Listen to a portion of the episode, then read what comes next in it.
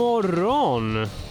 Hallå, hallå. Hej! Det här är nummer 37 av Hårdare träning och eh, jag sitter här med en eh, gammal gymnasievän eh, som har bjudit eh, in mig till sitt eh, gamla barndomshem. Är, är det så? Mm. Ja, precis. Ja, Mina pärons enkla, mysigt. mysiga förorts eh, trädgård Ja. sitter vi i nu. Ja, sitter här bar överkropp, svettiga och danna efter ett eh, litet trailpass som du har tagit med mig på. Ja, klassisk idyllisk svensk sommar. Mm, Svinvarmt, eh, inga moln, mm, eh, massa insekter överallt. mm. Det, var, det var som en, eh, ett drömscenario. Ja, ja det var Faktiskt. som ett, vi sprang som genom ett töcken. Ja. Såg, eh, såg feer och, och myrslokar och Ja. allt sånt där. Ja men det var fint. Eh, nu, nu lite allvar här nu. Fan, eh, vem, vem, vem fan är du? Vad heter du? Eh, Staffan heter jag. Ja, det visste jag ju. Staffan Wallner heter jag. Ja, ja. Eh, och jag gillar löpning. Det är väl därför jag är här. ja li- lite grann så. Ja. Eh, hur, fan, hur känner vi varandra egentligen? Mm, vi har ju säkert två olika historier här Ja, tänker jag. Men, men jag ska droppa min först Ja, och sen så kör, Kör. får du hålla med eller Ja, hålla emot.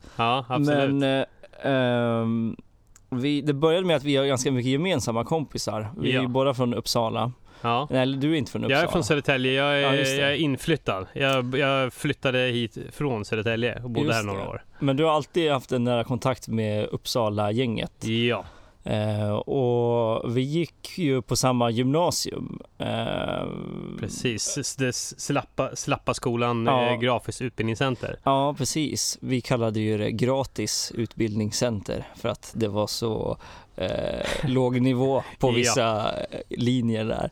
Ja, Eh, men jag minns det som att du hängde med Micke Bok och ehm, de här grabbarna, Slackers. Micke, Micke Bok. Micke Bok och Sebastian Thorén, eh, två skaterpolare jag hade då. Du tillhörde ju det här uh, torsdagsgänget tror jag också. Ja, det gjorde jag Ja. tillsammans med Joakim, jo, Joakim, Joakim eh, som vi faktiskt ska på bröllop hos i morgon Exakt. tillsammans. Så vi sågs väl eh, i de här större sammanhangen, i de här olika konstellationerna när Ja. det var, eh, vi var ute och rände. Ja, där alkohol inblandat. Ja, precis. Fokus, alkohol. Och sen så kom ju du och hälsade på mig sen i Köpenhamn. Ja. Det var väl typ då vi började umgås bara du och jag. Exakt, det, en, hade en riktig jävla rövarkväll. Hade Ja, vi. precis. Det var så vi förenades. Vi gillade att leva rövare helt Ja. enkelt. Ja. jag, jag har ett väldigt starkt minne från den eh, Köpenhamnsvistelsen. Eh, till att börja med så anledningen till att jag åkte till Köpenhamn Mm. det var ju först och främst att jag skulle på eh, en releasefest för eh, det brittiska poprockbandet Keens eh, Var det väl? nya skiva. Jaha. Ja, exakt. Och då tänkte jag, vad fan, men Ja men då får jag, kan jag ju passa på att besöka Staffan. Mm. Och då fixade jag in dig på den här releasefesten också. Ja, just det. Eh, det var kul. Vi, ja, vi satt, var ute och spelade basket hela dagen innan det och drack öl och laddade upp inför det här. Ja. Det, kan, det kanske inte rest, resten av liksom den här presskåren hade gjort direkt. Vi hade vår egna uppladdning. ja, vi var Eh. lite... Vi stack ut lite grann. Vi stack ut lite ja. grann. Och sen har jag väldigt starkt minne, jag vet inte om du kommer ihåg det här, men eh, då eh, körde sångaren i bandet ett litet, eh, ja, ett litet intro helt enkelt där han presenterade bandet. Och- Men då sa han att idag har vi tyvärr inte vår ordinarie trummis med oss idag. Och då skrek du högt och tydligt Who cares about the drummer? Ja, just det. Ja, Det blev väldigt stelt. det blev och ganska stelt. Jag märkte ju direkt att det var ju bara dumt. Ja, jag, jag, För jag hamnade ju i eh, skottlinjen för, för dem sen eh, Ja, ja. resten av kvällen kände jag. Ja, jag tror inte att det var liksom det de hade förväntat sig att de skulle få höra. Eh, utan de, de, de, de, mer hejarop och, eh, och sånt där. Men du, ja, men, men du, ta, du talade från hjärtat. Ja, jag var ju där för att jag ville dricka öl Ja. och ha det trevligt. Ja, du- och, du- och de andra var ju seriösa anhängare som kom dit och bara ja, nu har Ja, vi en mysig kväll med Keen. Det blir precis. spännande. Det var ju typ fans och eh, presskåren som var där. Ja. Uh, ja, precis. Uh, du, du, det, det, var en sak som gjorde att du inte stack, eller som gjorde att du stack ut. Alltså ja. att du inte brydde dig. Du, visste du vilka Keen var ens? Jo, de hade ju en uh, hit som var ganska känd på radio. Ja. Men det var ju jättelänge sedan. Ja. Så att jag tänkte att de här, jag visste inte ens att de spelade än. Nej, nej, jag tänkte så att det där var ett one hit wonder band. Det... Och sen visade det sig att nej, men de har ju nya låtar och jättemycket fans ja, visade det sig ja, den kvällen. Ja, men ja, oklar anledning för de gör ju, ja, de har väl aldrig riktigt gjort någon riktigt bra musik men de gör ju sämre musik nu men fortfarande så headliner de festivaler och har Ja, sig. men det är väl britpop eller ja, vad? Det är ju ganska stort. Det dör där. inte. Nej. I första precis. hand i alla fall. Ja, ja, det var kul. Det var ju som eh, en bra början på kvällen där. Ja, och sen verkligen. så blev det ju vi bara mer full i gasen ja. och stack ut och levde rövare. Det var en riktigt härlig kväll. Ja, det var alltså. härligt och sen så slutade det med, ja men vi kom väl hem till dig vid femsnåret på morgonen kanske, eller ja. där, fyra kanske. Ja. Och så skulle jag, jag tror att jag skulle ta bussen typ halv sju på morgonen. Oh. Så jag tror jag sov någon timma där hemma hos dig. Just jag skulle tillbaka det. till Göteborg. Ja, mm. just det var en sån här uh, all-nighter. Mm. Ja, det var riktigt härligt. Sitta bakfull på en buss i fem timmar med en timma sömn i kroppen. Ja, det tackar vi för. Ja, blev den recensionen bra av den spelningen? Så? Jag tror inte jag skrev en enda rad om, om, om det där om jag ska vara helt ärlig. Uh, men, uh, men, det, det var, var lite Hunter S. Thompson journalistik där. Ja. Man bara är där för att ta, leva ta, det goda ta, av gra den. Ta gratis och ja och mingla lite. Eller Precis. mingla, det gjorde vi inte heller. Vi stod mest för oss själva och, ja. och snodde extra bärs. Ja. ja, det var det, det var, var ju... det man gjorde i Köpenhamn ja. på events, känns det som. Det var som en standardgrej. Ja. Ja, det är fint. Nej, men sen så, sen så har vi väl träffats lite grann med så här två års mellanrum sen det. Det var väl kanske sju år sedan vi träffades då och gjorde det här. Mm, uh, precis. Och uh, och nu är vi här alltså och ska på ett eh, bröllop tillsammans imorgon av en gammal ja. kamrat. Joakim. ja, precis. Så du har ju åkt lite längre än jag. Eh, så, och då tänkte jag, ja men vad kul att då måste vi passa på och spela in ett avsnitt. Mm. För det finns ju också en anledning till, eh, till varför du är här. Lite, eller, en, det är mer än en anledning till att vi är vänner och vi tycker det är kul att snacka. Mm. Eh, så ville jag ha in dig och få dig att babbla lite grann här om vad du faktiskt gör som yrkesval. Ja. Eh, till att börja med, innan du berättar vad du håller på med, så du är en sån där som eh, när, vi, när man, ibland faktiskt när vi pratar om vad, liksom, vad man skulle kunna göra, man drömmer sig bortom det här ekorrhjulet och att eh, jobba på kontor och hur jävla stel och för jävlig man blir i kroppen av att sitta hukad framför en datorskärm. Då brukar jag ta, faktiskt ta upp dig som exempel ibland mm. och visa upp vad du håller på med och ditt eh, Instagramkonto. Ja, vad kul. Eh, så utifrån det så kan du nu få berätta lite grann vad du pysslar med. Ja, jag jobbar som vildmarksguide eh, i Kiruna, eller utanför Kiruna i byn Jukkasjärvi. Ja, ni, ni hör ju. Ni, ni hör ju. Där, där börjar ni redan, när ni hör det där, börjar ni drömma er bort om vad, ja, om, om ett ljuvare liv. Ja. Ja.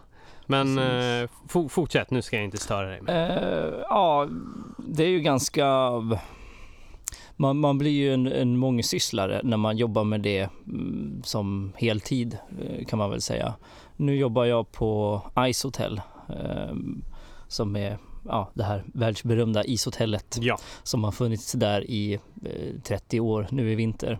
Mm. Och eh, där är det ju väldigt säsongsbetonat eh, beroende på ja, Beroende på årstid så gör man olika saker. På vintern så blir det mycket snöskoterguidning mm. och sommartid då blir det mycket forsränning till exempel. Så det är ju väldigt varierade arbetsuppgifter och sen när man inte har hand om aktiviteter och gäster, eh, då, då jobbar man mycket med att bara rodda och eh, städa ut och in olika säsonger. Alltså man, man fixar med utrustning och allt möjligt. Eh, så att det är ju väldigt varierande jobb mm. och man, man får lära sig mycket olika saker. Man jobbar ju mycket ute liksom.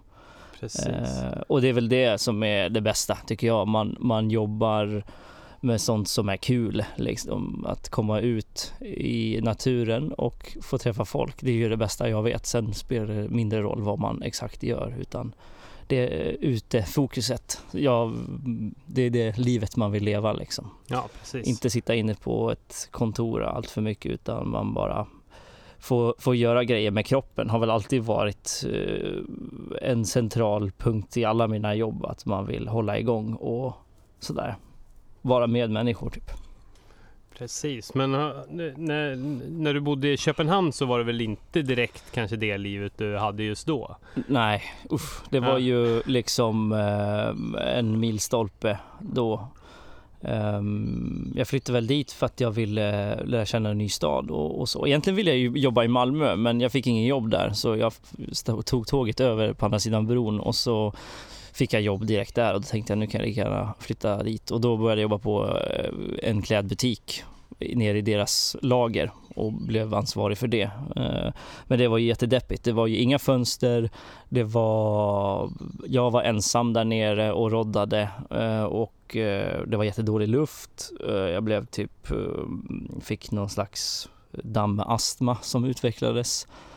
Um, och såg inte dagsljus. Så det bästa var ju att jag cyklade till och från jobbet. Det var mm. liksom det bästa på dagen. och så det var ju typ, jag bodde i en förort så det var ju kanske tre, tre mil cykling varje dag. Och jag gillade att springa så var det ju liksom att när jag kom hem, jag hade cyklat färdigt och stack ut på en springtur och då, då bodde jag nära en park så då blev det mycket springa i parken. Och det var ju enorm kontrast till själva jobbet, jobbmiljön. Så att det liksom drog ju ner mig långsamt att ja men vad är det här för pissliv liksom. Det, man vill ju vara ute. Det var det enda ja. jag tänkte på när jag jobbade. Eh, och då var det min syrra till slut som sa men eh, jag har hittat en utbildning som kanske vore någonting för dig.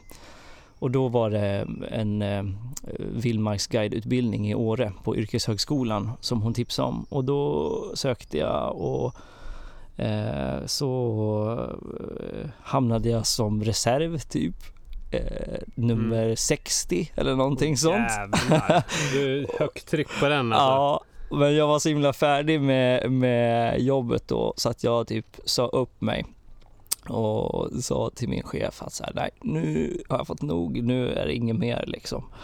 Och hon sa ju så här, men är det så smart, du har inte ens kommit in, så här, vad ska du göra annars? Så här, sa jag liksom att nej men eh, det är skitsamma, jag måste bara bryta. Eh, och sen eh, Sen eh, kom jag på att ah, men det var inte så himla bra. Eh, då insåg jag ju att jag hade ju ganska bra på jobbet ändå. och så... Eh, att du hade det ganska bra på jobbet, ja, så du hade det bekvämt? Ja, det var typ. bekvämt. Jag hade ju jag hade jobbat där ett tag så att jag hade ju liksom ganska bra förmåner. Så att jag var inte så sugen på att ta ett annat jobb eh, sådär tillfälligt om jag inte kom in på den där skolan. Så då, då ångrade jag mig, men då var det ju för sent för då hade de ju ersatt mig med någon annan då eh, redan. och, eh, men då fick jag sen ett brev i brevlådan och bara, ja men du kom in. Då, då hade jag liksom glidit förbi hela reservkön egentligen. Hur fan gick det till då? Jag vet inte. Jag antar att det är väl som annars. Folk eh, söker flera utbildningar och så tackar man nej. Ja, man har men många 60 val. pers liksom? Ja, jag vet inte fan. Nej, det, det ja. var, det var liksom... jävla flit. Ja, en skänk från ovan tror jag. Ja, verkligen. Så då var det bara direkt pick och pack och sticka upp dit? Ja, flytta till Åre. Ehm, det var bara köra igång direkt. Jag tror jag så här, hade, fick beskedet mm, tre veckor eller två veckor innan den skulle börja utbildningen och sen så stack jag dit och, och sen var jag där i ett och ett halvt år och pluggade och eh, efter det så hamnade jag på ishotellet direkt.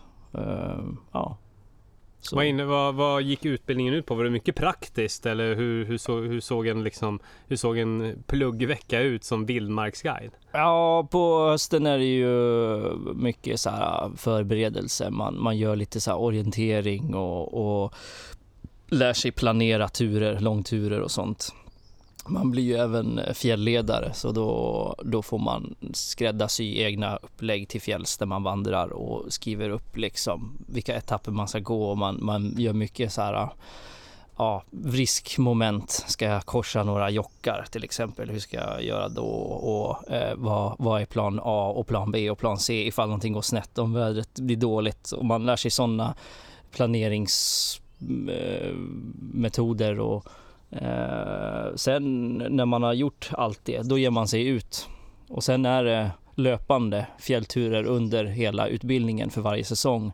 Man börjar lätt på hösten och så blir det eh, vintern. Då blir det turskidor och dra pulka och ta med sig allting på fjället och, och sova ute, gräva ner sig i en bivack mm. eller smälla upp ett tält. Och sen så kanske man är ute och fiskar eller åker skidor på något fjäll eh, mitt ute i ingenstans. Och, Uh, ja, och sen är det ju, det är ju just fjälldelen och sen är det då mm, man fick ta kajakcert för havskajak. Uh, man lärde sig grundläggande i klättring, isklättring uh, och uh, klippklättring och sen Ja, det var första hjälpen i terräng bland annat. Var, hur kan man bygga en improviserad bår av grejer man har med sig? Eh, hur behandlar man sår liksom och um, ja, väldigt mycket lavinkunskap till exempel. Om man färdas i lavinterräng, hur gräver man ut någon som har eh, blivit eh, dränkt i en lavin liksom. Ehm, ja, mycket allt ganska brett inom friluftslivet kan man säga. Eh, och det är ju en certifiering man får för att kunna jobba vidare någonstans i på fjällstationer eh, yrkesmässigt. Då måste man ha en sån utbildning. Eh, ja, man fick skoterkort och sådana grejer. Ja, och sen är man redo för att typ söka olika jobb. Man får ju nörda in sig lite grann i det man tycker är kul och köra på det. Man, det, man har väl vissa grejer man lägger extra krut på. Jag var mycket ute på vandringar och sov mycket ute. Det var väl min grej um, som jag tyckte var roligast.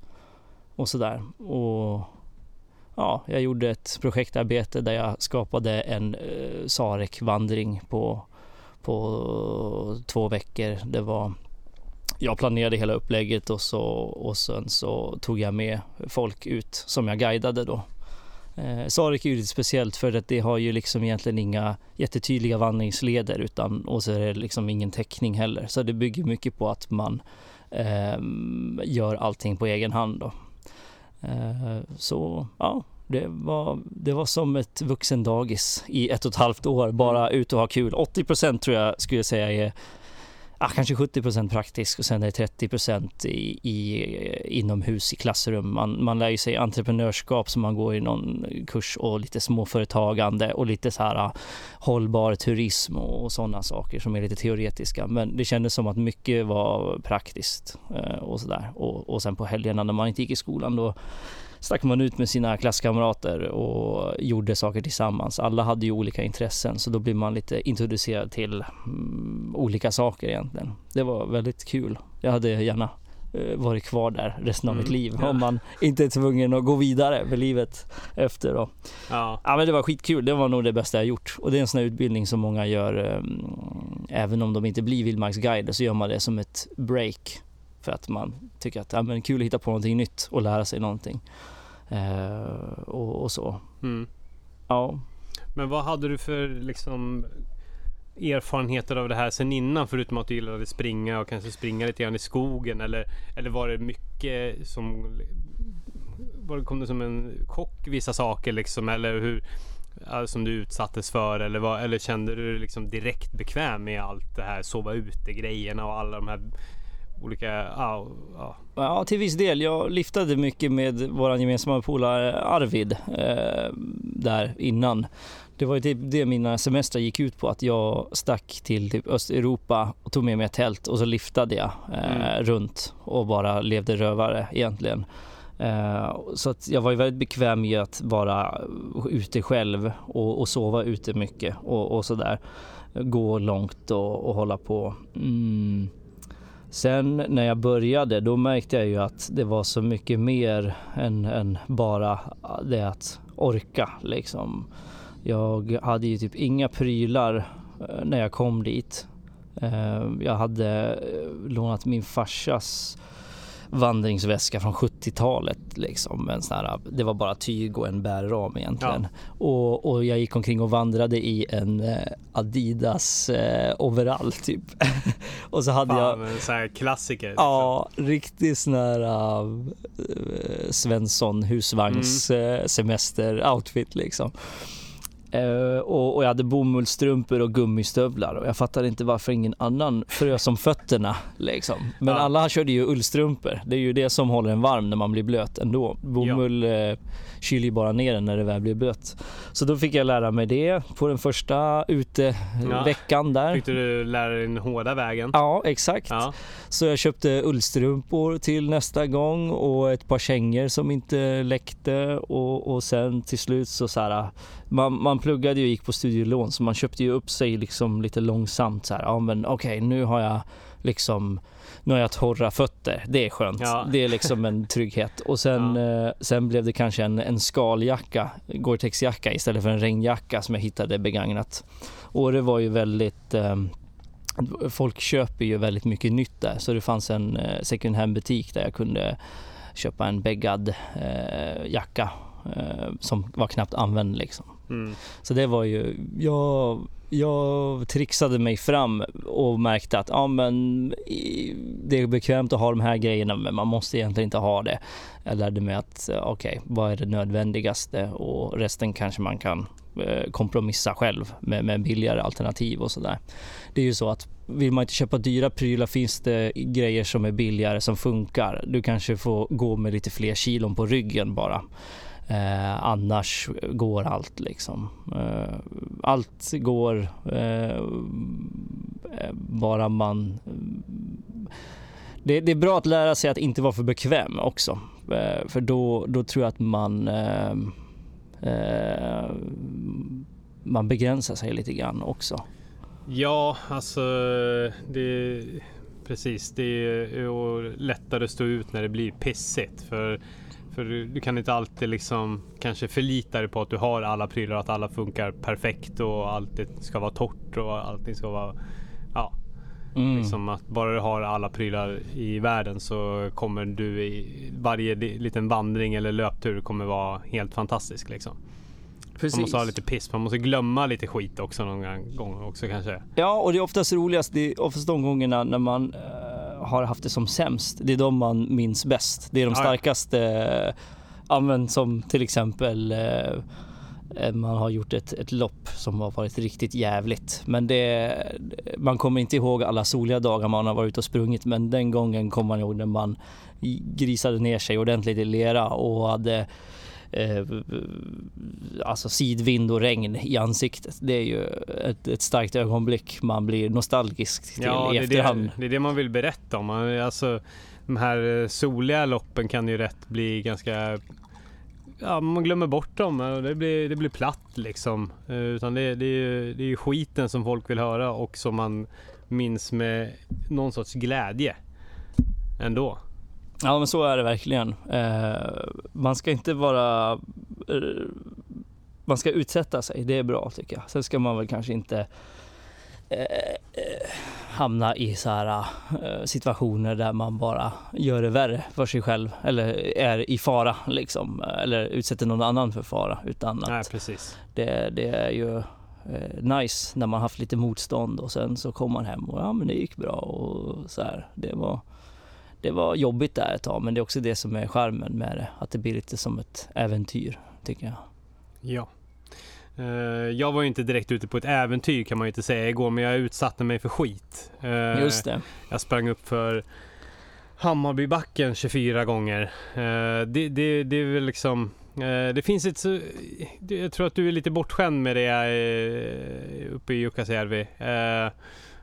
Utan Eh, Eh, med backar och berg och så vidare. I Stockholm så finns det ju, ja, det finns väl en, ett ordentligt berg centralt som är lätt att ta sig till. Eh, så där eh, sprang jag upp det 24 gånger och det, det är ju inte kul.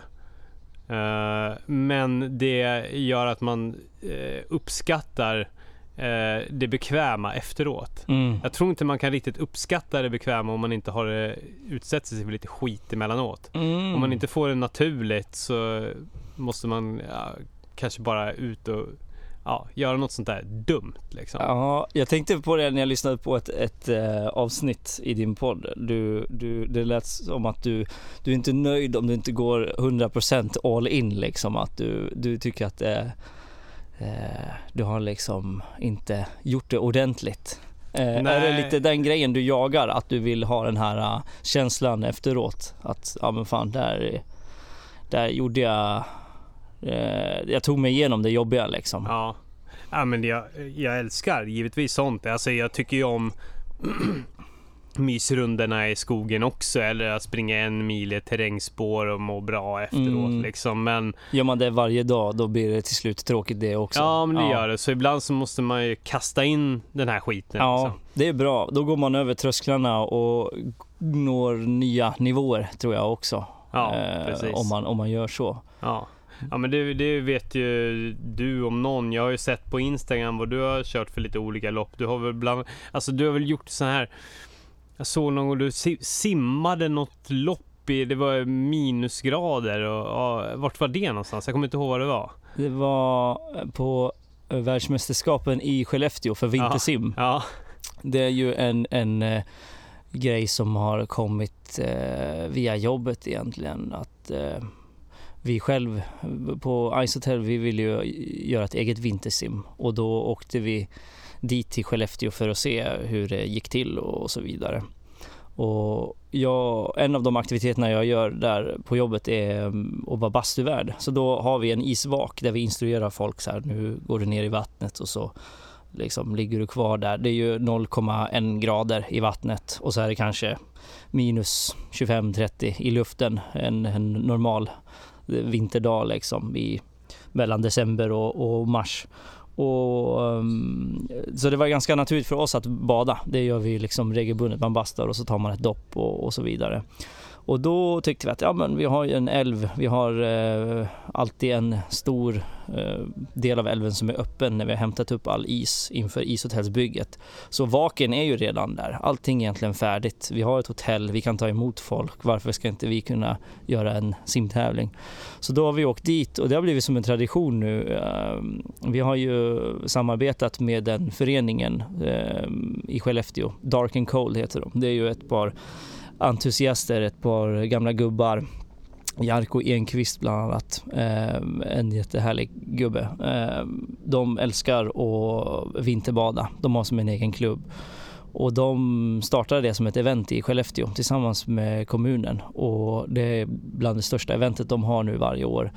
Och vintersim är ju en ganska liten sport men har vuxit nu på senare tid och det är ju kanske runt 4 till 500 deltagare varje år. Det är så många? Ja. Alltså.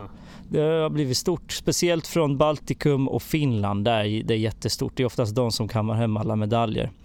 Så ja, vi kommer dit. Jag simmar 25 och 50 i längden oftast. Man kan välja 25, 50, 200 och sen är det en stafett där det är 4 gånger 25 då.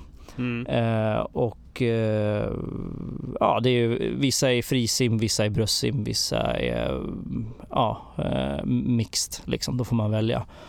Eh, så det är som en, en kul grej bara. Jag anser ju mig inte som en bra simmare, men jag är väldigt duktig på att bita ihop. Ja. Så att det, det, är väl därför jag tycker det är kul liksom. Ja. Att, att det är ju, jag hade nog aldrig, jag har aldrig gjort en swimrun liksom för att jag känner att det, jag är inte tillräckligt bra på att simma så att jag tycker att det, det är inte så kul heller. Men jag gillar just den här utmaningen med ehm, att man chockar kroppen liksom och ser lite grann vad man går för i det kalla. Det är ju väldigt så här mycket mentalt också. Eh, att det där att man kan vara cool och så bara simmar man på och Ehm, det är ju väldigt trevligt att öva inför sådana grejer. Man ses några polare, så tar man en bastu och så går man ut och så doppar man och så ligger man i några minuter och sen går man upp och så gör man så fram och tillbaka. Ehm, så att det har blivit som en ehm, kul social grej vi gör tillsammans, jag och mina eh, kompisar och kollegor. Då. ja, och så har vi arrangerat två vintersim på jobbet där det har blivit ett kul event liksom så det, ja, det är bara en, en kul grej som har kommit bara sådär för att mm. jag fick, det var en eh, en eh, på jobbet, Tummen heter han, han föreslog att vi skulle göra det. Eh, bara för att vi alltid försöker hitta på konstiga saker mm, mm. och locka dit folk. Mm. Ja precis, men bara för att förtydliga liksom, ja, men, eh, så varmt som det är i vattnet, det är ungefär, vi säger, jag har ju badat isvak två gånger mm. i Stockholm. Mm. Det, det, är väl ungefär, jag kan väl tänka mig att, ja men om det är riktigt kallt i Stockholm, liksom, ja det är ungefär sa, samma temperatur som när man badar isvak. Mm. Eller, ungefär. Mm. Eller är det lite kallare där uppe? Ja, i Torneälven är det runt nollan ja. i, i vattnet. Eh, ju längre upp man kommer desto kallare blir det tror jag. Mm. Uh, det är väl det. Men jag tycker att jag, tycker att, jag kan tycka att 7 eh, grader kan kännas lika kallt som 8 grader. Alltså det är ju, det värsta är kanske om det blåser samtidigt. Det påverkar ja. ju kylfaktorn enormt liksom. Men jag tycker att det, det kan vara Eh, Eh, lika chockartat att bada sommar. men eh, ja. Ja, eh, jag har ju som sagt badat isvak två gånger, men då har jag varit nere i cirka sekunden.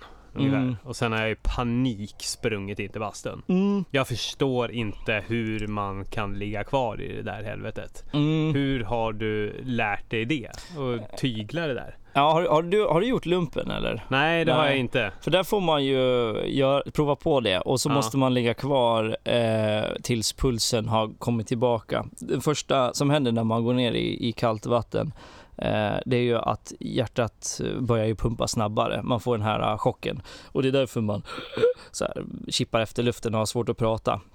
Och det är ju för att hjärtat fattar att okej, okay, nu måste jag pumpa ut mer blod, varmt blod i kroppen. Och det gör att man får en eh, adrenalinkick. Ehm, och när, när väl kroppen har fått ut allt blod, det tar ungefär 30 sekunder. Och sen kan du börja andas och prata lugnt igen och då är liksom den värsta chocken över. Och sen kan du ligga i, eh, jag tror att man kanske hamnar i något hypotermiskt tillstånd efter eh, 20 minuter eller någonting när det börjar bli farligt. Eh, men liksom den tiden, det, man kan ligga där ganska länge innan det blir allvarligt. Eh, så länge man inte doppar huvudet så behåller man värmen ganska länge. Och eh, då ja, efter de här 30 sekunderna då kan man kliva upp och, och då är man ganska lugn i kroppen. Eh, och när man kliver upp och kommer ur vattnet då får man en slags euforisk känsla och då känner man inte av kylan så mycket. Eh, då, då, pump, då har eh, hjärtat pumpat ut all det här nya blodet i kroppen och då känner man sig ganska varm ändå. Så att det, det, man ska genomlida 30 sekunder av den där eh, chocken och sen eh, blir det bra liksom. Och sen kan man ju träna upp det där så att man blir mera van och resistent. Det är ju därför det är av hälsoskäl väldigt bra att eh, kallbada för att det här hjärtat är ju som en muskel. Så får muskeln träna och jobba och pumpa mycket, då blir den starkare och då blir man liksom friskare. Så det har man gjort väldigt mycket forskning nu på senare tiden att bastubad och kallbad är väldigt bra för blodcirkulationen och ja, mycket, dämpar mycket stress, kroppen slappnar av, musklerna blir mjuka liksom. Så jag hörde någonstans att om man bastar 15 minuter per dag så minskar risken med 50 procent att få hjärt och kärlsjukdomar när man blir äldre liksom, om man gör det kontinuerligt. Så det, ja, det är bra att stressa eh, kroppen sådär. Mm. Eh, och så. Man får ju förhöjda testosteronnivåer också av att duscha kallt till exempel. Så det är ja, ju... precis. Det känner jag på jobbet som alltid, ja, jag är kass på det. Jag har tänkt länge att jag ska börja testa sådana här saker och köra kallbad. Men han, han, vi tog löprunder på lunchen och då började han alltid med att duscha så kallt han bara kunde. Mm. Uh, och stå där Ja, liksom, det är värre tycker jag dock när man står i duschen och får en, en stråle med kallt. Ja. Om man hoppar ner i vatten då är det som att man får hela chocken direkt men det går över ganska fort. Så jag tycker inte heller om att, att kallduscha speciellt mycket. Nej. Det är som att man står och bränner sig ja. och så blir det aldrig riktigt, det går aldrig riktigt över. Mm.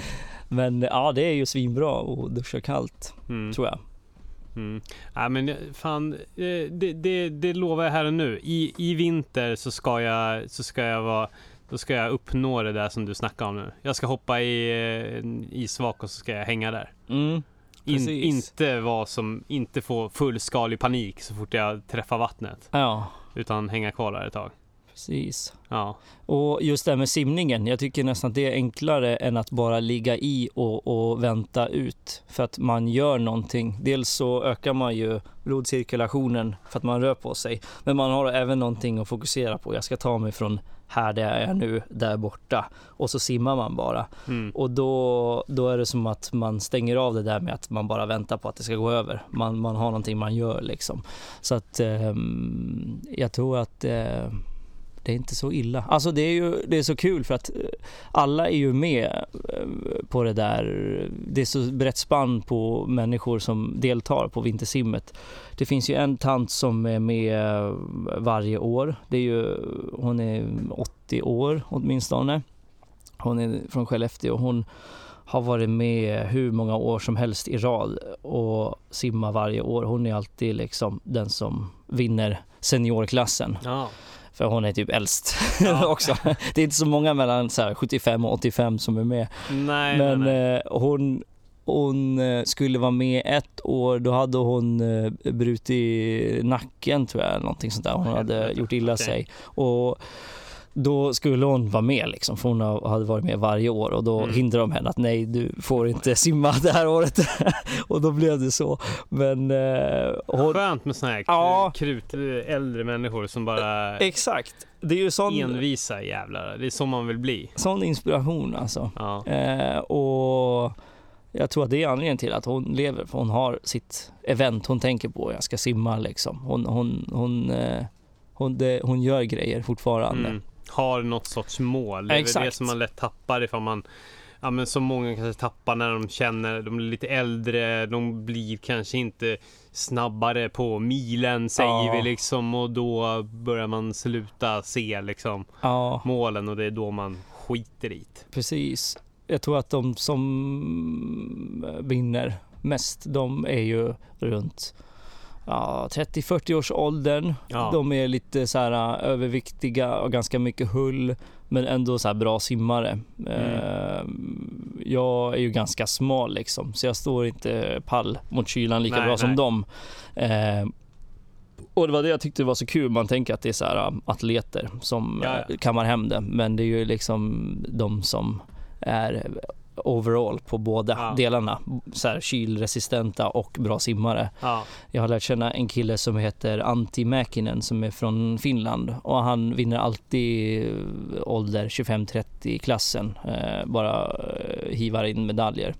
Och mitt första möte med honom var att vi gick in i bastun efter simmet och så satt han där och skulle köra några, eh, han skulle köra några sträckor till och så satt han där med en termos eh, varm choklad med Minto i bastun och så Mm. bjöd han mig på den och jag tyckte det var så himla kul. Så här, ja, han, han är bäst men han sitter ändå här Ja, och unnar sig i bastun. Ja. Ja, och han var jättetrevlig liksom. Så att det, det, det är också det där äh, människorna, mycket att det är så bra gemenskap och det är så färgstarka karaktärer Ja, som inte, deltar. inte så skitnödigt låter det som. Nej, verkligen inte. Nej. Det är ju, det är ju väldigt, eh, väldigt eh, sköna lirare i Ja. överlag.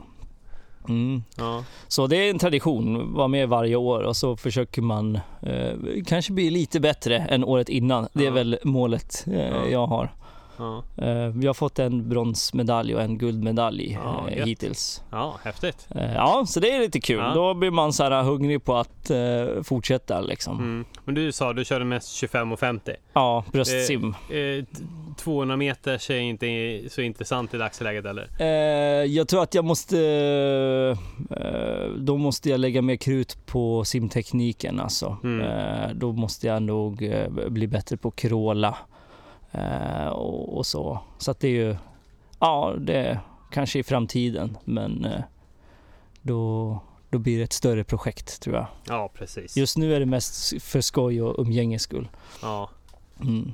Ja, Jag testade faktiskt på swimrun häromdagen. Jag, är- jag kan, jag kan inte simma. Jag, jag är usel på det. Än mindre kan jag simma med de där jävla dolma, alltså, man har ju som en flytgrej mellan benen ja. och så de här paddlarna och... Är det det man övar med eller? Ja, för precis. Att bli, för att, ja. Ja, nej men alltså många kör ju med en sån där, alltså dolm med, alltså... Under tävlingen också? Ja, ja. ja.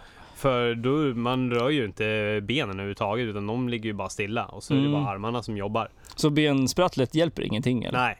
Eh, enligt dem i alla fall så var det ju så liksom. Mm. Det är väl just när det, det tar för mycket energi. Ja, det genererar inte så mycket som det som det kostar. Nej, det är väl, jag tror väl när det kommer till eh, sådana som simmar 100 meter och sånt där, då är det ju en explosion liksom. Men här är det ju mycket längre simning. Ah. Och då är det väl då det liksom, det, då det inte riktigt blir värt det. Den Nej, gången liksom.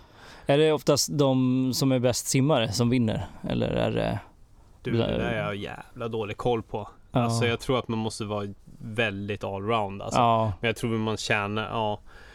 Jag tror, jag tror nästan alltså sim, alltså är man en duktig simmare tjänar man jävligt mycket på det där liksom. Mm, mm. Det är då, då liksom, det, det går inte att rädda av att man är en duktig löpare. Nej. Som när jag körde swimrun, jag kom ju sist på simningen varje gång vilket gjorde liksom det gick till så att vi körde liksom en sträcka, sen så kunde vi upp och så skulle vi spurta en liten bit liksom. Mm. Det hjälpte ju inte att jag var, var en av de bättre där på att springa. Nej, man kom, tjänade inte in den tiden ändå. Jag sist ändå, ja. varje jävla gång liksom. Ja, jag förstår. Men det är ändå starkt ändå att du bara, ja men jag kör även fast det inte är ja. liksom min grej. Att det är väldigt hälsosamt. Man blir ju så himla ödmjuk när man ser andra som är bra. När ja, man vet själv så här, shit vad mycket tid den måste ha lagt ner på det här då. Om, ja. När jag liksom eh, är på den här nivån, då, då blir man lite mera, man får mer perspektiv på folk liksom ja, och deras verkligen. insats på något vis. Ja, nej men så det, det, första som hände när jag hoppade i vattnet där, det var ju det, dels så hade man ju den här flytgrejen mellan benen. Den bara släppte jag helt och hållet. Man, man har den i snöre runt midjan typ. Mm. Så den flöt ju bara upp typ till bröstet och sen så tappade jag paddlarna. De bara åkte ur sina Ja, där man eh, stoppar in fingrarna och så bara låg jag där och sprattlade medan liksom, vi skulle simma 50 meter. Ja. Och jag, jag, bara, jag, jag bara direkt hoppar i vattnet, tappar allting, de bara försvinner därifrån och jag ja. bara så sprattlar som en idiot. Det är bara 50 meter. Ja. Att släppa allt och bara, bara köra. Till slut så lyckades jag komma tillbaka någorlunda och lyckades simma upp på stranden. Men det var ju första gången jag simmade på så här ett och ett halvt år eller något sånt där. Det var så här, men eh, det var ju övermodigt att kanske vara med i det här gänget men eh, lärde mig ganska mycket ändå för jag var ju tvungen att på något sätt Jag hängde ju aldrig riktigt med mm. Men jag var ju tvungen att vara så snabb att de slapp liksom reducera antal minuter som de var tvungna att vänta på mig. Mm, så, mm, på mm. den nivån liksom. Ja, men ja, det, ja där, där känner man ju bara så här, ska, om jag någonsin vill köra en swimrun-tävling så måste jag ju lära mig simma, annars är det ju bara att ge upp liksom. Ja, och det är inte som att simma i bassäng heller. Det är typ vågor och du vet inte exakt åt vilket håll du, du har ju liksom inga nej. linjer som yeah. fångar in dig om nej. du hamnar snett liksom. Nej, det var många gånger som jag hamnade snett och tittade upp och bara var på väg åt fel håll. Ja. Att det kan bli så jävla fel liksom. Det, man, förmodligen ser man kanske lite, har en lite bättre teknik på ena sidan också så man liksom paddlar och bara svänger varje gång. Så var det lite grann för mig. Jag svängde åt vänster hela tiden, hela tiden. Liksom. Aj, aj, aj. Ja. Ja, fostrande kan jag ja, tänka men det är ju det. Ja. Alltså, man får mycket kallsupar också. Ja, och jag svalde så mycket. Så mycket eh, sjövatten. Så ja. det var sorgligt alltså. Jag mådde ju lite illa. Ja. Och kom när jag varje gång jag kom upp på land, vi skulle så här, träna övergångar. Ja. Eh, simma som fan och sen så för att direkt bara börja spurta upp liksom för, upp för några klipper och springa mm. iväg. Mm. Ja, och där kan man dra in mycket om man är bra liksom. Ja, ja visst, men jag var ju alltså eftersom jag förmodligen min andning är förmodligen att jag hyperventilerar. Så blir jag ju snurrig i skallen så fort ja. jag kom upp på land. Så jag, jag kom på, på mig själv med att liksom vackla lite grann och så tappa balansen. Liksom. Mm. Uh, vilket är också en sån här grej att lära sig. Liksom. Det är en jävla vetenskap där. Det, det, det är ja. som jag tycker är lite spännande med simning men samtidigt så här krångligt. Ja, det är så mycket små detaljer där man eh, kan vara smidig om man slarvar lite så behöver man inte alls vara lika fit som någon annan utan man kanske bara har mer rutin i vissa Ja. skiften. Liksom. Ja, precis. Det känns som att det är mycket, det är så mycket detalj. Det är väl lite som eh, med skidskytte också. Det är så här ah, allting däremellan som spelar roll också. Absolut. Eh, att det inte bara, det räcker inte bara med att vara i bra form utan att ja, mycket kan hända längs med vägen. Ja. Ja, kul. Mm. Ska du, har du någon fler swimrun på G eller? Ja, men jag hade tänkt de, de, de kör, det är faktiskt ganska grymt. De kör varje onsdag. Det är så här, de, vet du, ett märke som heter Wolf eh, Wear. Okej. eh, som gör alltså mycket alltså för simning. Uh, swimrun triathlon typ. Mm. Eh, så de har varje onsdag så här, har de gruppträningar Ja. eh, mellan 18 och 20. Sen bjuder de på kurv efteråt. Uff, Eh, vad trevligt. så det är ju skitbra. Så jag tänkte att fan jag ska... Och de kör det hela vägen till 30 september. Jaha. Eh, så tänker jag bara plöja det där. Liksom. Mm. För jag har något sorts mål. Jag har en kompis som, som jag också spelat in ett podcastavsnitt med som heter Jens Larsson. Eh, Jag tror jag lyssnade på han. Det var ni hade sprungit någon lopp tillsammans. Amazing Trail, Ja, precis. just det. Det, Ja. det kommer jag ihåg. ja, exakt. Eh, han är ju en, eh, han är en ganska duktig simmare. Eh, så min plan är på något sätt att ja, träna mig till en hyfsad simnivå så att vi faktiskt kan göra ett swimrun-lopp nästa år. Mm, mm. Eh, så och det blir min lilla spåret till att lära mig simma. För jag gillar den här grejen att- känna den här friheten. Man, man simmar och sen sp- springer man upp på någon ö, springer några kilometer där, hoppar i vattnet, simmar lite. Det är en så här ganska cool frihetskänsla. Mm, mm. eh, som jag skulle vilja vara en del av liksom. Sen så älskar inte jag simningen eftersom jag är så jävla kass på den än så länge. Men jag hoppas att komma till en, en Men du gillar ju att ta ut dig, så det, det täcker du upp i alla fall. Ja, exakt. Ja, ja, för fan. Ja. Eh, nej, men så, nej, någon, något nästa år. Jag vet bara inte vilket. Det var Ja. någon som tipsade om något lopp som heter Ångaloppet. Ja, det skulle vara ett nice och coolt lopp. Så här. Men ja, jag får se. Det är Mm. fortfarande en helt annan värld liksom. Vad är det för lopp som attraherar dig? Det finns oändliga mängder med lopp, men vilka är det som du känner så här, ja men det där skulle jag vilja göra? Mm. Hur, Och, eh, hur sorterar du? Hur jag sorterar? Ja. Ja. Fan, det där är ju så här. Man vill ju bara testa allt möjligt skit liksom. ja. Om det är någonting nytt för dig, då nappar du liksom? Ja, men lite, lite så. Alltså nu har jag ju varit inne ganska mycket på att träna inför hinderbanelopp. Uh, vilket jag tycker är kul liksom. Uh, ska springa tre lopp i år är tanken. Mm. Uh, tough Viking 15 kilometer. Ja, just det. Du har gjort mycket hinderbanelopp. Ja va? men det har blivit ganska många genom Ja. Jag tycker det är jävligt kul samtidigt som det är jävligt Det är alltid läskigt med de där jävla hinderbaneloppen. Man Ja. är livrädd för att slå sig fördärvad. Är, är det mycket Typ. olyckor och så eller? Alltså grejen är den, förvånansvärt så är det väl ganska lite olyckor. Ja. Men jag var funktionär ett år på Tough Viking i Göteborg och då vid ett hinder som heter Spinning Wheels där man ska liksom Ja, det är som hjul som roterar så ska man svinga sig mellan dem. Liksom, fyra hjul i rad. Liksom. Okej. Där var det en som ra- rasade och, och trampade, landade jävligt snett på foten som skrek ut i smärtor. Då bara, Ja, man landar inte mjukt då eller? nej, det Nej. finns ingenting. Det är bara Var det gräsmatta under liksom. Som är ganska hård liksom. Ja, Ja. men var man högt upp över marken eller? Nej, vi snackar någon meter bara. Ja okej, ja men ändå det är som gjort för att... Ja, Landa det är fel liksom, ändå. landar man Ja. fel liksom, med, ja, jag tror, ja, det var nog fan knät som gick åt helvete där liksom, när det bara böjs liksom. Det är Mm. sånt som kan hända liksom. Så det är aldrig riktigt så här, aldrig riktigt en fara liksom. Men ett litet snedsteg när man är trött så går det åt helvete liksom. Ja, ja. Kan det göra. Ja, det är lätt hänt när man håller på med något annat. Ja, Liksom. ja precis. Svingar, håller Ja. på. Nej men eh, så, så är det lite Höga Kusten Trail ska jag köra 43 kilometer. Just det. Eh, men sen, ja, sen har jag eftersom jag har sprungit en lite ultra och sådär så har, eh, har jag bli, börjat bli lite lockad av eh, köra ett 100 miles någon gång. Mm. Eh, samtidigt som jag det, det är lite både och.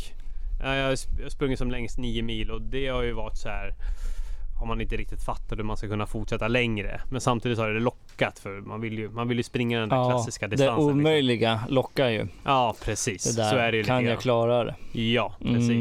Lockas du av sådana här riktigt långa?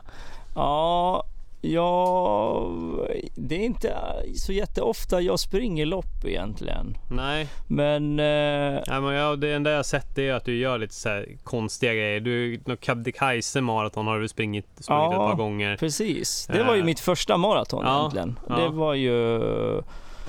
Det var midsommarhelg va? Ja precis. Ja. Det var tre år sedan eh, och då jag har ju alltid varit duktig på att springa till fjälls eftersom jag har eh, jag jobbade på en fjällstation i Norge och då jobbade jag lite som guide och så jobbade jag även som diskare där. Och när jag hade diskpassen då hade man, jobbade man morgon och kväll och så sprang jag det fanns ju, jag jobbade i Jotunheimen nationalpark i Norge och de har ju 22 toppar i den parken som går att nå eh, i form av en dagstur och alla 22 är över 2000 meter. Så mitt mål var ju att haffa så många toppar där som möjligt den sommaren. Och då gjorde jag det mellan de här diskpassen och eftersom jag hade tajt om tid så fick jag typ jogga fram till varje eh, stigning. Och sen så fick jag typ försöka avverka toppen så fort som möjligt. Så att det var ju liksom högt tempo upp och så ner och så kanske det drog ut på tiden fick jag springa tillbaka för att hinna i tid och så var det liksom en ny topp varje dag. Ja. Och, och, dagarna jag jobbade som guide då, då gick vi upp på Galdhöpiggen och guidade turer där via glaciären. Man gick genom glaciärgrottor och, och eh, tog sig upp och, och det var ju um, Ja, den är ju 2200, 2469 tror jag den är på. Jävlar. Eller något sånt där. Mm. Eh, och eh, ja, så det var ju långa dagar, mycket vandring och, och jag blev ju väldigt duktig på att springa stig och, och brant och på stenigt. Så att jag kände ju att, ja men jag har inte sprungit någon maraton innan men, men eh, Kebnekaise, det är ju, det är ju sån, sån terräng jag är van med liksom. Så jag tänkte ja. att ja, innan det sprang jag ju kanske bara milen liksom. Så här, regelbundet men inga längre distanser. Nej, och efter det tyckte jag så ja men det var ju jättekul liksom. Och mm. då blev det lite mera lopp. Men jag hann plocka lite grann. Jag gillar eh, trail-lopp. Ja. Det är ingen idé att springa på asfalt för det är liksom eh, jag vet inte. Det är roligare att vara ute liksom och springa i skogen. Och um, då blir det något trail-lopp här och där som verkar kul. Eh, mycket handlar ju om eh, om det är ett litet lopp, då blir det väldigt bra gemenskap. Som vid Keb där, då, då stod man ju vid mållinjen och väntade in alla, för vi var ju typ 20 stycken ja, som sprang bara. Okay, okay. Så att det var ju bara kul och sen drack vi bärs och, och firade ja. midsommar efteråt och badade bastu. Ja, så det var ju jättekul bara. Ja. Och det är ju lite sådana, det ska ju vara bra umgänge också. Ja. Det, är, det är ju som en upplevelse i sig att bara komma till en ny plats och träffa nytt folk. Men hur gick det loppet då? Det, gick det runt berget liksom, eller längs berget? Eller liksom, eller... Ja, det går i dalgångar runt Kebnekaise-massivet. Så man börjar, det är 1300 meter stigning totalt och 43 kilometer tror jag. Och det går eh, upp till Tarfala forskningsstation som är lite högre upp än Kebnekaise fjällstation. Och man springer liksom runt toppen av Kebnekaise. Så du är aldrig uppe riktigt på den Nej, höjden. Ehm, men man kommer ändå rätt högt upp. Vi hade ju, vi sprang ju på midsommar. Det var ju väldigt tidigt då. Ehm, nu tror jag man schemalägger alltid i juli för att det året var typ det värsta. Då, då var det ju midje djup snö i vissa dalgångar och så var det slask under snön. Så att man gick i blött och pulsade liksom. Mm. Och så var det dimma och man sprang vilse och, och sådär. Så att det var ju Ja, det var brutalt. Det var en av de tuffaste. Hur gick dina mentala tankar då? Uh, ja, men jag hade ju ingenting att jämföra med. Det var ju ganska bra. För jag hade ju ja. liksom, det var ju mitt första lopp. Jag visste inte riktigt vad jag skulle förvänta mig. Det är så här alla lopp är. Ja, men det var lite så här. Ja, det är klart. Vad, vad, vad, vad trodde jag liksom? Så. Det är ju uppe i fjällen. Uh, och sen såg man ju alla andra bara pinna på. Då tänkte man så här, ja varför ska jag bryta nu? Det är bara att köra liksom. Så. Det, man vill inte vara den enda som inte klarar det liksom. Men de hade någon brytpunkt så kom man inte förbi den i tid, då var det liksom kört. Då fick man avbryta och det här var precis efter den. Så att då var jag så här, nu är det ingen idé att vända, nu är det bara att dra liksom. Och ja, det var ju en av de roligaste loppen på grund av just det att det var, det var så här det, man var inte bara trött, det var bara så här ah, shit, vart är jag? Det är blött, jag är kall, nu är det bara att försöka springa liksom. Ja. Um, så att uh, ja, det var himla kul. Och sen uh, ja, sen kanske jag tar uh, en eller två sådana lopp per år. Kanske på ny, ny mark. Jag sprang ett lopp på Island. Det var en ultramara på 5,5 Laugavegur maraton. Det är ju deras kändaste hiking eh, trail, vandringsled. Ja. Eh, också kring 2000 höjdmeter, 5,5 mil. Ehm, och man passerar fyra jockar som man måste gå liksom midjedjupt igenom eh, för att ta sig vidare. Då. Så det, där var det ju också kul. Det var mycket blandning så här. Det var det var blött och sen så sprang man lite till så blev man torr och sen var det liksom öppna landskap där det bara blåste motvind hela tiden. Och det var, det är ju i mitten av Island så att där finns det egentligen bara vildmark och fjäll. Liksom. Det var väldigt dramatiskt och, och fint liksom. Och, och, han som vinner varje år i det loppet, han är, han är bara någon bonde som gillar att okay. springa liksom.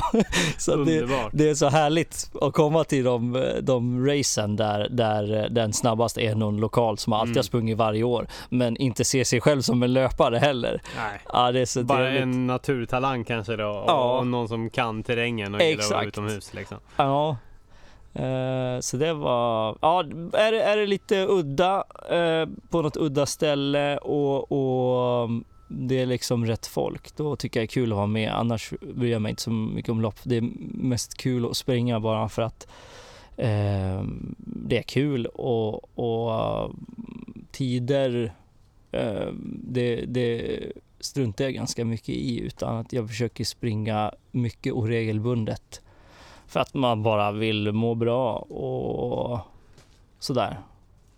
Det, det är nice. Men regelbundet, hur, hur, ser en träningsvecka ut för dig då? Ja, tre pass, kanske en till eh, en och en halv mil per tillfälle och sen vila en dag och sen tre. Så jag snittar kanske mellan sju och nio mil i veckan. Mm. Försöker klämma in eh, ett intervalllöp där på någon av de tre. Liksom. Mm. Eh, så ja, och så springer jag mycket i skog, skogen bakom där jag bor i mitt hus. Eh, mycket kuperat, mycket sten, mycket stig, varierat sådär. Eh, så att ja, bara, bara komma ut i skogen liksom. Mm. Men du kommer ju ut i skogen ganska mycket ändå. så vad, vad, är det som får, driver dig till att göra de här eh, sex passen per vecka och intervallpass? Vad är, vad är liksom eller, eller är det bara att du, du bara vill springa mycket? Eller liksom vad, vad finns det några liksom, eh, liksom vad, du, vad, vad, tänker du när du tänker varför du gör det liksom? Dels vara ute i naturen men är det, är det, vad, vad tänker du mer? Liksom? Ja, det långsiktiga är väl att man vill må bra länge. Liksom. Det hade varit kul att kunna springa hela sitt liv tills man stupar. Mm. Eh, lite grann så för att man har blivit, eh, man, man, får ju mycket av det. Man blir pigg och det är väldigt stressreducerande när man är, liksom, jobbar med ett stressigt jobb så är det som att man trycker på en reset-knapp när man väl har sprungit och så mår man bra igen. Liksom. Man blir ju lite hög på endorfiner och, och, och sen så i mitt jobb blir ju allting enklare ju mer tränad jag är. Eh, alltså jag tar ju mig igenom dagen som en dans om jag är uthållig och, och stark liksom. Um, och, och, sådär. Sen, sen kostar det ju ingenting att, att springa heller. Jag tror det är därför jag har lyckats eh, hålla på så länge. Jag har väl sprungit regelbundet i kanske 11 år där det är liksom nästan dagligen löpning. Och eh, det har jag ju kunnat gjort trots att jag flyttar runt. Det enda man behöver är ju ett par skor liksom. Det, det kan du göra överallt. Ju, och, och, du kan klämma in det när som helst. Det är så enkelt att göra det. Eh, du har ju alltid liksom, du kan ju alltid avvara en timma av din dag till, till något sånt. Ehm, ja, man, det, man är fri och så ger man sig ut och ser ställen liksom. det är ju, ja, det är ju för att må bra liksom och, och det är kul. Jag, vi sitter ju nu eh, vid mitt föräldrahem i trädgården och vi har min lågstadieskola bakom oss här. Mm. Och jag minns att jag alltid tog sovmorgon på morgonen för jag bodde så himla nära. Så min väckarklocka var oftast när eh, skolklockan ringde. Mm. Så sprang jag så här, varje gång. Så här. Och, och jag tänkte så här, ja, men jag springer ganska snabbt så att jag kan liksom, springer jag då är det lugnt. Ja. Och sen, sen när jag gick, eh, började i mellanstadiet, då var det en kilometer bort till mm. centrum. Liksom. Och då, då hade jag blivit sån himla tidsoptimist så att jag bara, ja men jag hinner liksom. Och så drog jag ut på tiden och så slutade upp med att jag alltid fick springa för att annars skulle jag komma för sent liksom. Och, och sen blev det en vana. Eh, så att på hemvägen när skolan var slut, då tyckte jag att det tog så himla lång tid att gå hem. Så då började jag springa, mest ja. bara för att det var långtråkigt att gå. Typ. Eh, och sen eh, började jag högstadiet in i stan. Då var det busshållplatser man skulle ta sig till. Samma där, tidsoptimist och så bara ja. springa till bussen. Ja. Och sen blev det liksom som en naturlig grej att man bara sprang kors och tvärs hela tiden. Mm. Eh, men jag minns att jag gillade att springa mycket på skolgården. Det var typ en tjej som hette Matilda som jag var lite eh, förtjust i. Hon, ja. hon sprang snabbare än mig och jag alltså. kommer ihåg så att jag bara, jag vill springa snabbare än henne. Så här, det, det var viktigt typ. Ja. Eh, när vi jagade varandra och sånt där. Så att eh, jag tror ändå att det har varit liksom eh, ett intresse i kombination med att jag är rastlös liksom eh, och, och sådär. Mm. Det, är ju, det är ju kul lite grann att upprätthålla någonting som man känner så här, ja men det här bemästrar jag lite grann. Men nu känner jag att det är så här, ja det är ju praktiskt för mig bara att jag ser till att hålla någon slags grundkondis liksom ja. i, i vardagen. Vad, vad händer med dig ifall du inte får, får, får, eh, får utlopp för din energi på det här sättet? Vad händer med Staffan? Ja, jag blir typ... Eh, eh, jag blir jättedeppig. Jag mm. blir liksom så här, allting blir tråkigt bara och... Eh, ja, jag blir nog ganska dramatisk då tror jag. Alltså? Mm. har, du något, har du något exempel? Liksom, minns du särskilt någon gång när det liksom hade kanske gått några dagar utan träning och du... Ja, jag hade någon dipp för två år sedan. Då överansträngde jag min hälsena och sen så Um, fick jag ta det lugnt ett tag uh, och jag minns det som väldigt jobbigt alltså. Och, och jag var väldigt så här, uh, uh, allting är så himla... Jag vet inte, det var inget så här konkret som jag tyckte jag, jag klagade på, men jag tyckte att allting var väldigt grått bara. Mm. Och sen när jag väl kunde börja springa, då sken solen och ja. jag var jätteglad och allting var så här tipptopp ja. och jag kände mig så här hungrig på livet. Typ. Ja, så jag att, vet precis vad du menar. Jag känner igen det där. Ja, lite lätt tjurig hela tiden åt allting och så här. Ja, missunnsam kan man bli liksom. Ja, typ så här, ja men man svarar inte på andras entusiasm utan man bara säger ja, ja man, det är omöjligt. Ja, bitter. Ja, ja men liksom. jag har varit skadad och sånt där också. Jag opererade min axel eh, för några år sedan.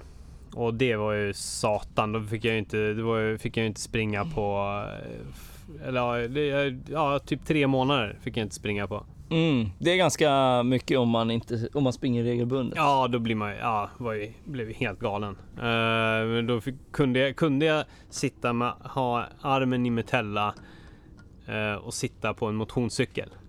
Okay. så jag gjorde det. Satt så här och bara på gymmet och bara cyklade.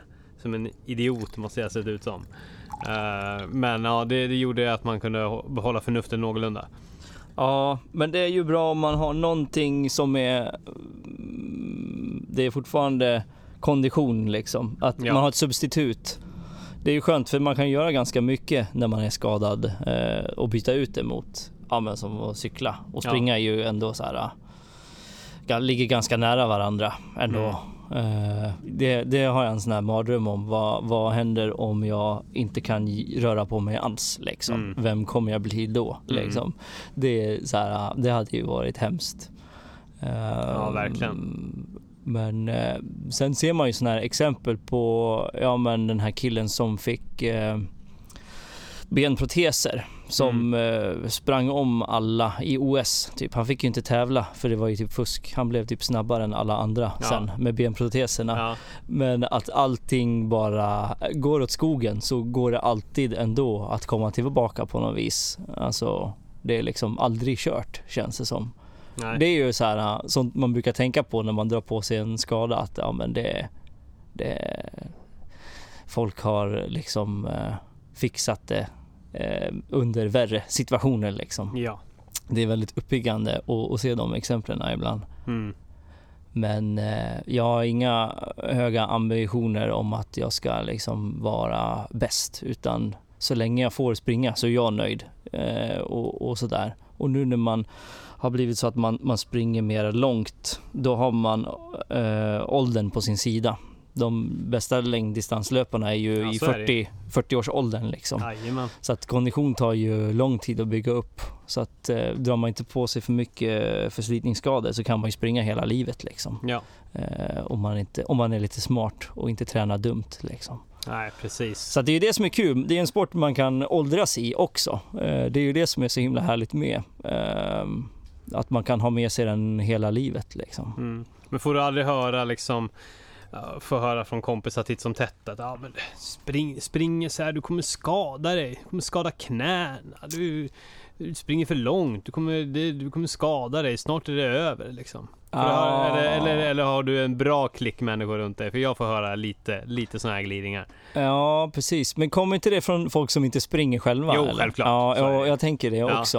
Eh, för det fick jag eh, lära mig av eh, några jag lärde känna som springer på elitnivå. Liksom, att de, de var ju såna himla vinnarskallar. Liksom, så att de drog ju på sig skador lite då och då.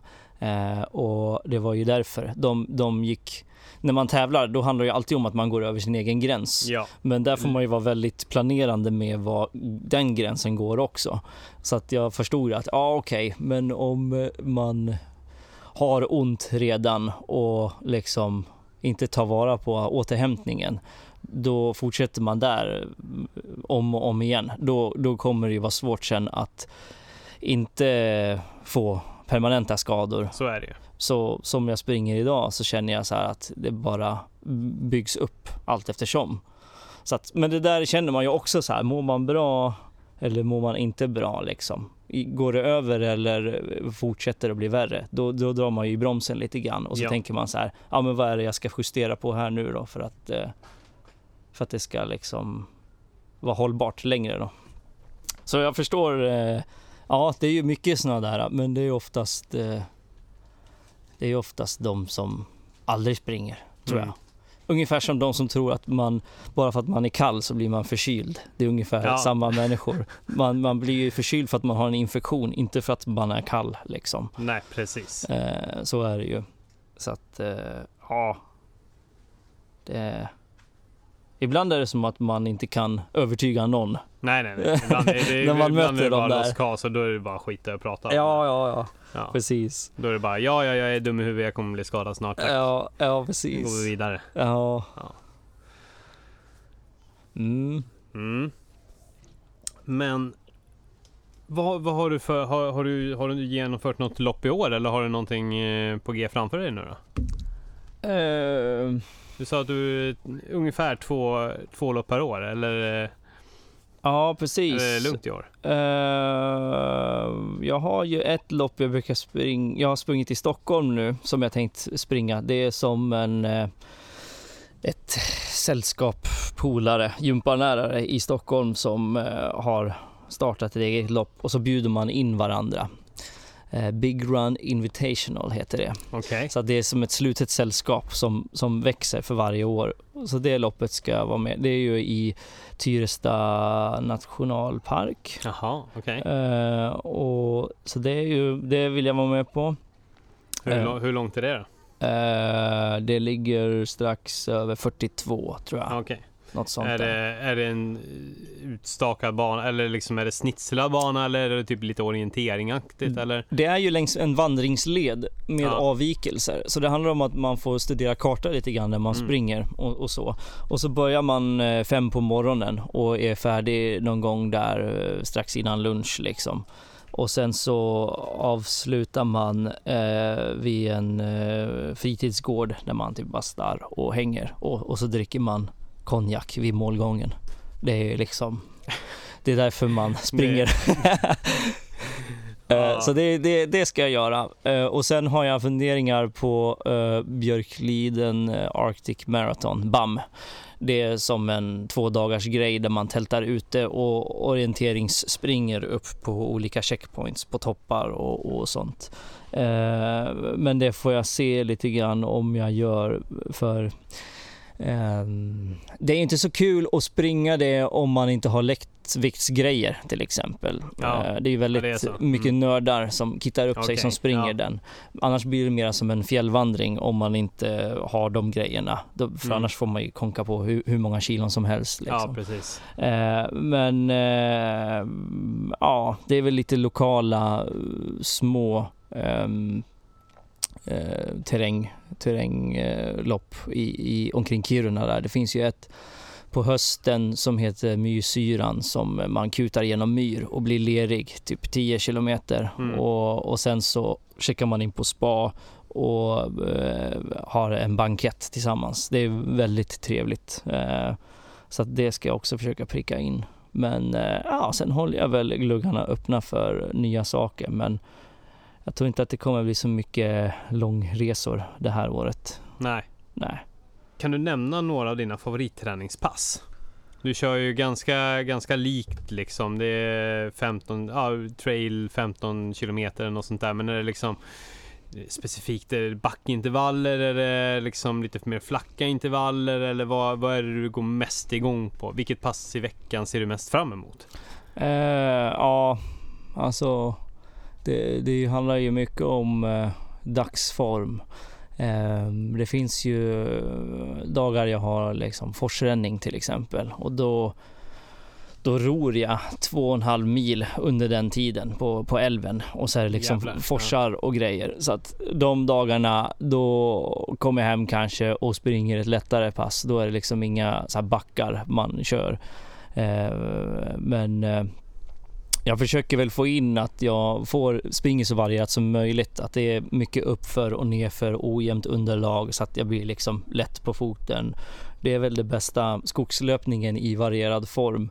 Um, och sen, sen blir distansen lite olika. Jag är väl kanske nöjd om jag springer eh, åtminstone 10-12 och eh, har jag en dålig dag då försöker jag liksom göra 10-12 snälla kilometrar med kanske inte allt för mycket eh, trasslig terräng. Eh, bara för att jag tänker att kvantitet är bättre än kvalitet. Alltså att det, så länge jag bara ger mig ut och springer så ger det någonting och sen har jag liksom inga, pressar jag mig inte utan jag bara mysspringer. Mm. Och så, då kommer man ju ut även fast man är trött. Um, men, men drömscenariet är ju de dagarna när man ger sig ut och så har man inga ambitioner alls. Man bara, jag ska vara ute och kuta lite och så får vi se vad det blir. Och sen kanske man slutar upp med att springa fyra mil istället för en mil bara mm. för att man bara, oh, jag, jag har feeling idag, det här går ju bra. Och så springer man lite till och sen så känner man, ja, nu jag skulle kunna fortsätta hur länge som helst. Undrar hur långt det kan bli. Ja. Liksom. Eh, de dagarna är ju det som bäst. Liksom. Mm, jag, fick, jag, jag fick ju lite smaka på det på det passet som vi körde nu. Att det var lite grann så här. Du tog olika rikt... Eller liksom du du hade inte liksom en helt utstakad planerad väg. Så brukar jag lite mer jobba liksom. Ja. Så här, jag ska springa dit och det är den vägen. Och, ja, det blir så långt liksom. Ja, ja. precis. Mm. Medan du var ju lite mer, ja vi sprang, det, det kan jag säga, det var ju typ bland de första gångerna som jag bara sprungit där det inte är en stig. Jag ja. gör liksom inte det. Utan jag, jag sp kanske springer trail, men då springer jag där det, där det är en trailstig liksom. Mm. Jag vågar mig inte ut utanför de här eh, ra, ja, satta ramarna ändå. Precis. Är det för att du vill så här, täcka upp statistik så att du vet så här, var du ligger? Typ, och, mm, eller är det... Jag tror att det är mer att jag, som jag tror att ganska många är, liksom att man är lite rädd för att springa där det inte är där det är fixat. Liksom. Mm, mm, mm. Att det, det, men det har väl en, med en okunskap att göra. Ja, Vilket precis. jag kan känna att jag är avundsjuk på dig eftersom du, du kan eh, naturen. Du, ja. liksom så här, du har ju skapat en, eh, en icke-oro för att bara så här, ränna, ränna in där det inte finns någonting. Liksom. Ja, precis. Uh, att man bara tänker att det finns inga regler. Man Nej. bara gör det man känner för. Liksom. Exakt. Liksom. Ja. Jag kan liksom, ja, men så fort jag kanske kommer in på ett sånt här område som vi sprang på. Vi sprang, det var bara så här massa nedfällna träd och det var, ja, det var ganska lite ja. stökigt. Det var lite Då kul när vi, ja precis. Det var lite så här, vi hoppade över dike och så var det bara träd och så skulle man öppna in, öppna upp där för att se mm. Vad, mm. vad som hände där. Sen var det ju någon någon, eh, någon bostadsområde vi sprang in på ja. där folk bara Här kan det inte vara Nej. eller så det, var, det var någon som sa vägen tar ja. slut här typ. Ja. Så det, var, det är lite så här också Jag bara tänker att jag hittar nog någon stig någonstans och så kommer jag vidare på något vis. För det, ja, precis. Det är, det är väl någon sorts oro för, för att springa ut i det okända. Mm. Så här, frågan är ifall, till exempel ifall jag är ute och springer i eh, Hisingsparken. Mm. skogen där. Mm. Hur jävla illa kan det gå ifall jag bara ränner in i skogen? Det är inte ja. så jävla stort. Det är inte så att det är mil och åter mil där jag kan ja. gå vilse och försvinna. Nej, Men jag väljer ju fortfarande, även där så avviker jag ju inte. Ja, ja precis jag har ju alltid haft så här mycket andra agendor när jag varit ute och sprungit också. Att jag tänkt så här, nu måste jag reka en plats där jag ska vara i jobbet imorgon. Men jag kanske aldrig varit ja. där själv. Det är bra för mig om jag ser hur det ser ut innan vi kommer hit här imorgon till exempel. För att det ska spelas in någon film eller blir någon så här reklamfotojobb. Då kan jag ibland jobba som location scout. Okay. Och eh, eh, bara ta, försöka hitta miljöer som folk vill fota i som ser ut på ett speciellt sätt och då blir det ibland en löprunda, en rektur och då får jag liksom gå igenom lite såna här obrutna mm. eh, skogar och, och, så att eh, ja, man får liksom leta sig fram och så blir det lite så här kors och tvärs. Man springer bara lite som orientering typ. Mm. Så att, ja, det har väl gjort att jag har blivit friare i löpningen tror jag. Att jag har tänkt så här, ja men ja, jag grisar ner mig och sen så håller jag bara jämnt tempo så behöver jag inte frysa om jag blöter ner mig. Jag kan vara ute ganska länge liksom och, och ändå hålla värmen. Bara jag liksom ser till att springa länge typ. Mm. Uh, så det är ju kul för då, då är det ju som, då känns det så här lönlöst att följa gångar typ och sånt. Alltså så asfalterade gångvägar liksom. Ja. Utan man, man bara in i skogen och sen så kanske jag ser något kul, kanske något djur eller någonting sånt och det blir lite mer av en upplevelse i sig. Mm. Men hur ska jag som liksom en typisk så här, ja men det närmsta jag kommer naturen det är traillöpning på spår. Hur ska, hur ska jag börja känna mig tryggare eh, i, att, i att bara skita i det där lite grann? Ja. Eller, eller borde, man, borde man se till att lära sig någonting först innan man börjar göra sånt? Nej. Eller vet fan, eller är det bara i, liksom kuta och så, jag menar, så löser det sig. Ja. Man kanske inte ska göra det mitt ute i vildmarken. Eh, kan ju vara dumt för en sån som mig eftersom jag skulle bara hamna vilse. Ja, precis. Men jag menar mindre skogar och sånt där liksom. Mm, man kan ju ta liksom, eh, gå över tröskeln lite lite i taget. Att man kanske tar en, läng, en, en, en avstickare och sen får den kanske vara samma men lite utökad gång för gång. Och långsamt så lär man känna, oh, men nu när jag kommer ut här, här, nu känner jag igen mig, här är, liksom, här är jag bekant med området eller jag vet på ett ungefär. Om man sticker helt planlöst ut i en skog som är, är hur stor som helst, då är det ju lätt att man springer vilse liksom, för man, man tappar ju lätt orienteringen, vart man är på väg när man bara springer och det inte finns något mönster som tar en, en viss väg då. Eh, så att det kan väl vara bra att man eh, kanske utvidgar eh, rutten lite med något nytt, men kanske tar det stötvis då då tror jag till slut att vi var ju på ställen där jag inte riktigt visste var vi var heller och så vände vi. Men jag visste på ett ungefär i alla fall. Eller jag kommer ihåg att ja, men bakom oss är järnvägen där vi kommer ifrån. Så mm. fortsätter jag bakåt nu så kommer jag ändå tillbaka. Liksom. Att man vet på ett ungefär vilket håll saker ligger. Då. Men eh, ja, men ja, ut mer och ta det liksom eh, bitvis uh, utforska mer, lite i taget. Liksom. Det mm. tror jag är bra. Mm. Och jobba på att uh, ja, identifiera riktmärken. Ja. Kanske, eller ja, så här, på något sätt tänka liksom vilket håll är vad. Liksom. Ja, exakt. Ja. Nu har jag passerat en bro och sen var jag på en väg och vad hände där liksom? Var det någon korsning eller hur, mm. hur var liksom? Hur har vi flyttat oss liksom? Um, men det var ju bra träning när vi kom in i skogen och vi fick hoppa över lite ris och, och stubbar. Det, ja, ja. det, det känns som att man, man tjänar ju mycket sånt. Man får mycket gratis på köpet när man springer i skogen. Eh, ja, det blir väldigt varierande tempo. Det blir lite som en intervallträning ju. Eh, man går precis. lite grann och så kutar man och skuttar över någon dike. Liksom. Ja, precis. Så man måste ju kanske, man sjunker ner lite grann så måste man ju göra en liten explosion uppåt för ja. att liksom ta sig ur skiten. Mm. Eh, och hålla på sådär. Mm. Precis, så att eh, ja, på vintern brukar jag ju trycka upp mina egna spår egentligen. Jag brukar använda djurstigar, så det är liksom Även om vi har en meter snö så är det ändå lite så här eh, upptrampat. Och springer man dagligen i samma spår som renarna och älgarna och rävarna tar, då är det som då blir det som en gång bara för mig och dem liksom. Och då, då kan man springa i skogen även även eh, vintertid. Eller så tar jag skoten och bara trycker ett spår, kör en runda som jag gillar med, med skoten och då är det platt där liksom. Då kan jag springa där dagen efter och, och så. Så att eh, jag ser ju årstiderna är ju inget hinder alls. Det är ju liksom, man kan springa överallt. Jag använder ju samma skor också, vinter som sommar liksom. Det, det är oftast, det tycker folk är konstigt med vinterlöpning när det är så här äh, subarktiskt klimat när det blir väldigt kallt på vintern. Att, ja, men vad, vad gör man då så här, äh, när man eh, springer på vintern och det är minus 20-30? Eh, men det är egentligen samma kläder, ha ett ullunderställ och ullstrumpor och sen har jag samma trailskor som sommar egentligen. Mm. Eh, alltså att det man behöver inte göra eh, saker så komplicerat liksom. Man behöver inte ha, jag har inga dubbskor till exempel.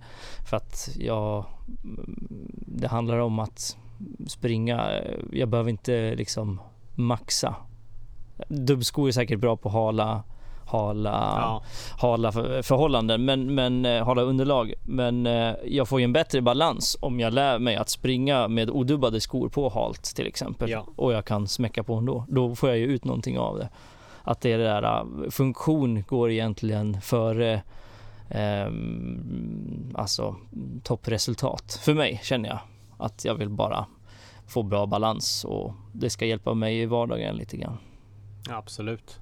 Eh, men är det så, skulle du säga så att eh, generellt hos alltså vildmarksguider, det yrket, att det är många som har typ samma filosofi som du som håller igång, tränar på fritiden för att kunna prestera också i sitt yrke? Mm, det är väldigt olika. Jag tror att ja. de flesta vildmarksguiderna är som vem som helst. De kan vara väldigt sådär, det är bara mysigt att komma ut och vara ute. Mm. Och, och, det är inte alla som tränar regelbundet, men man märker att de som gör det, de har ju en annan uthållighet i jobbet liksom. Jag känner ju så här, äh, eftersom det ingår en del riskmoment, så vill man vara beredd på att få gå steget längre om det sker en olycka eller någonting till exempel. Att man vet att jag orkar eh, vara ute och, belastas lite till i, i svåra förhållanden för att det ska liksom gå bra. Att man alltid är så här tränad för det värre värre men ja. oftast inte behöver topprestera liksom. Skoten lägger ner, det är fem mil till byn ja, och, ja, någon har brutit foten. Du ska pulsa du, i snö tillbaka liksom. Springer du Ja, precis. Vägen. Ja men det är, ju, det är ju en jätteskön trygghet att ha bara. Ja men jag vet att jag orkar kuta i djup snö tillbaka. Det är lugnt liksom. Ja, det håller, det går. Det är jobbigt att så här, men om det händer, orkar jag då? Eller går allting åt helvete? Det, det är ju en slags eh, skön trygghet att veta att ja, men det, det löser nog sig. Det, jag har ju varit med om värre liksom. Um, men uh, ja, det är väl... Eh, jag tänker också så här, eh, jag, jag, när jag springer, jag springer ju långt och blir liksom seg. Det är ju inte så mycket sprint. Det också, har formats lite grann av mitt arbetssätt att jag har väldigt fysiskt jobb och för att orka springa varje dag får jag liksom portionera ut energin lite grann. Eh, att jag blir liksom uthållig och seg eh, snarare än Ehm, väldigt så här, explosiv eh, för att jag ska orka igenom vardagen och sen börjar allting om dagen efter. Det blir ju nästan dagligen träning för mig men då får jag liksom jämna ut det på något vis. Eh, jag tror jag slarvar mest med, med vilodagar liksom där jag inte gör någonting. Um, när man börjar räkna på det så inser man, ja, jag har ju haft lugna dagar och så tänker man, ja, men det var ju tufft den dagen också när jag vilade, för då hade jag en, det här i jobbet som krävde extra mm. liksom. Um, så, ja. Det, det, det, är bra att vara i bra form, det, det har man fördelar av, men man måste inte vara det och jag tror att eh, många är väldigt bekväma i överlag liksom. Det, det känns så att man, man förlitar sig mycket på typ maskiner och, och sånt för att göra grovjobbet. Det finns alltid liksom hjälp nära idag också. I alla fall i den miljön jag jobbar. Där är, ju, där är man ju inte långt bort från vägar och sånt, att få assistans och så vidare. Mm. Um, det, det, riskmomenten är väl att man kan, det kan ta tid och att man hanterar situationen fram tills att man får hjälp. Mm. Det är väl det som är det viktiga. Mm just med typ kyla, att få hålla folk varma och sånt. Ja. Men, men ju, ju mer tränad man är desto uh, mer står man ju pall liksom när det väl skiter sig. Så det är ju, det är ju liksom, det gynnar mig i jobbet mycket också.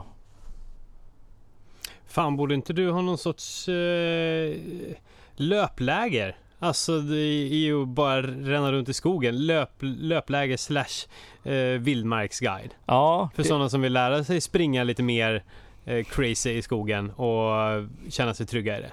Det hade varit svinkul. Jag har ja. gjort lite korta winter running eh, aktiviteter. Bara så här en dag och sånt för folk som vill prova på. Men det har inte riktigt, eh, jag tror att det är väldigt smal eh, det är klart. Mm, så det har inte liksom riktigt slagit igenom. Men Nej. det hade ju varit en dröm att göra det alltså. Mm. Det hade varit skitkul. Uh, ja, bara ge sig ut och, och kuta på mm. knepiga ställen. Det är jättekul. Och så drar man hem och bastar efteråt liksom. Det är och simmar, nice. simma 200 meter i nollgradigt vatten. Ja, exakt. Perfekt. Kanon. Det, det, där har vi en dag. Ja. Och så en konjak på det. Ja, ja. grymt. Ja. Ja. Det får man dra igång. Ja. En bra idé. Ja. Nej, jag ser fram emot så. Jag, vill fan, jag måste, måste komma och besöka dig där uppe. Mm, det får du göra. Så ta, ska du få ta mig ut på några riktiga rövarrundor. Mm. Det ser jag fan fram emot. Det, det ska vi verkligen göra. Vi borde börja spåna på ett, eh, ett upplägg dag för dag med mm. nya grejer. Mm. En äventyrsvecka. Fan vad häftigt. Mm. Ja, nej men jag tror att det är dags att börja avrunda den här podden nu. Mm. Jag börjar bli hungrig. Det, det är otroligt många flugor på de mackorna vi har vid sidan om. Ja. Men jag vet inte fan om man vill... Vi får nog fixa något annat. Eh, kanske. Det är lite för många. Jo. Men fan, eh, Staffan, tack som fan för att du var med. Fan vad kul att höra om alla dina jävla äventyr och hur, hur och din syn på träning och eh, ja, Ja, det är fascinerande mm. och jag tror att det är många som blir avundsjuka när de hör om allt du pysslar med alltså. Ja, ja det var kul att vara här. Ja. Skitkul att få vara med. Ja. Först, första podden mm. för mig. Det känns eh, celebert. Mm. Ja, Men, det är en ära. Det är ja. en ära. Verkligen. Ja. ja. Men fan, nu, nu softar vi, eh, vilar lite grann. Dricka lite eh, kaffe kanske. Dricka lite kaffe. Mm. Och så blir det bröllop imorgon. Jajamän. Ja, och så kommer podden ut någon gång nästa vecka. Kul! Yippee kajaj motherfuckers! Bra!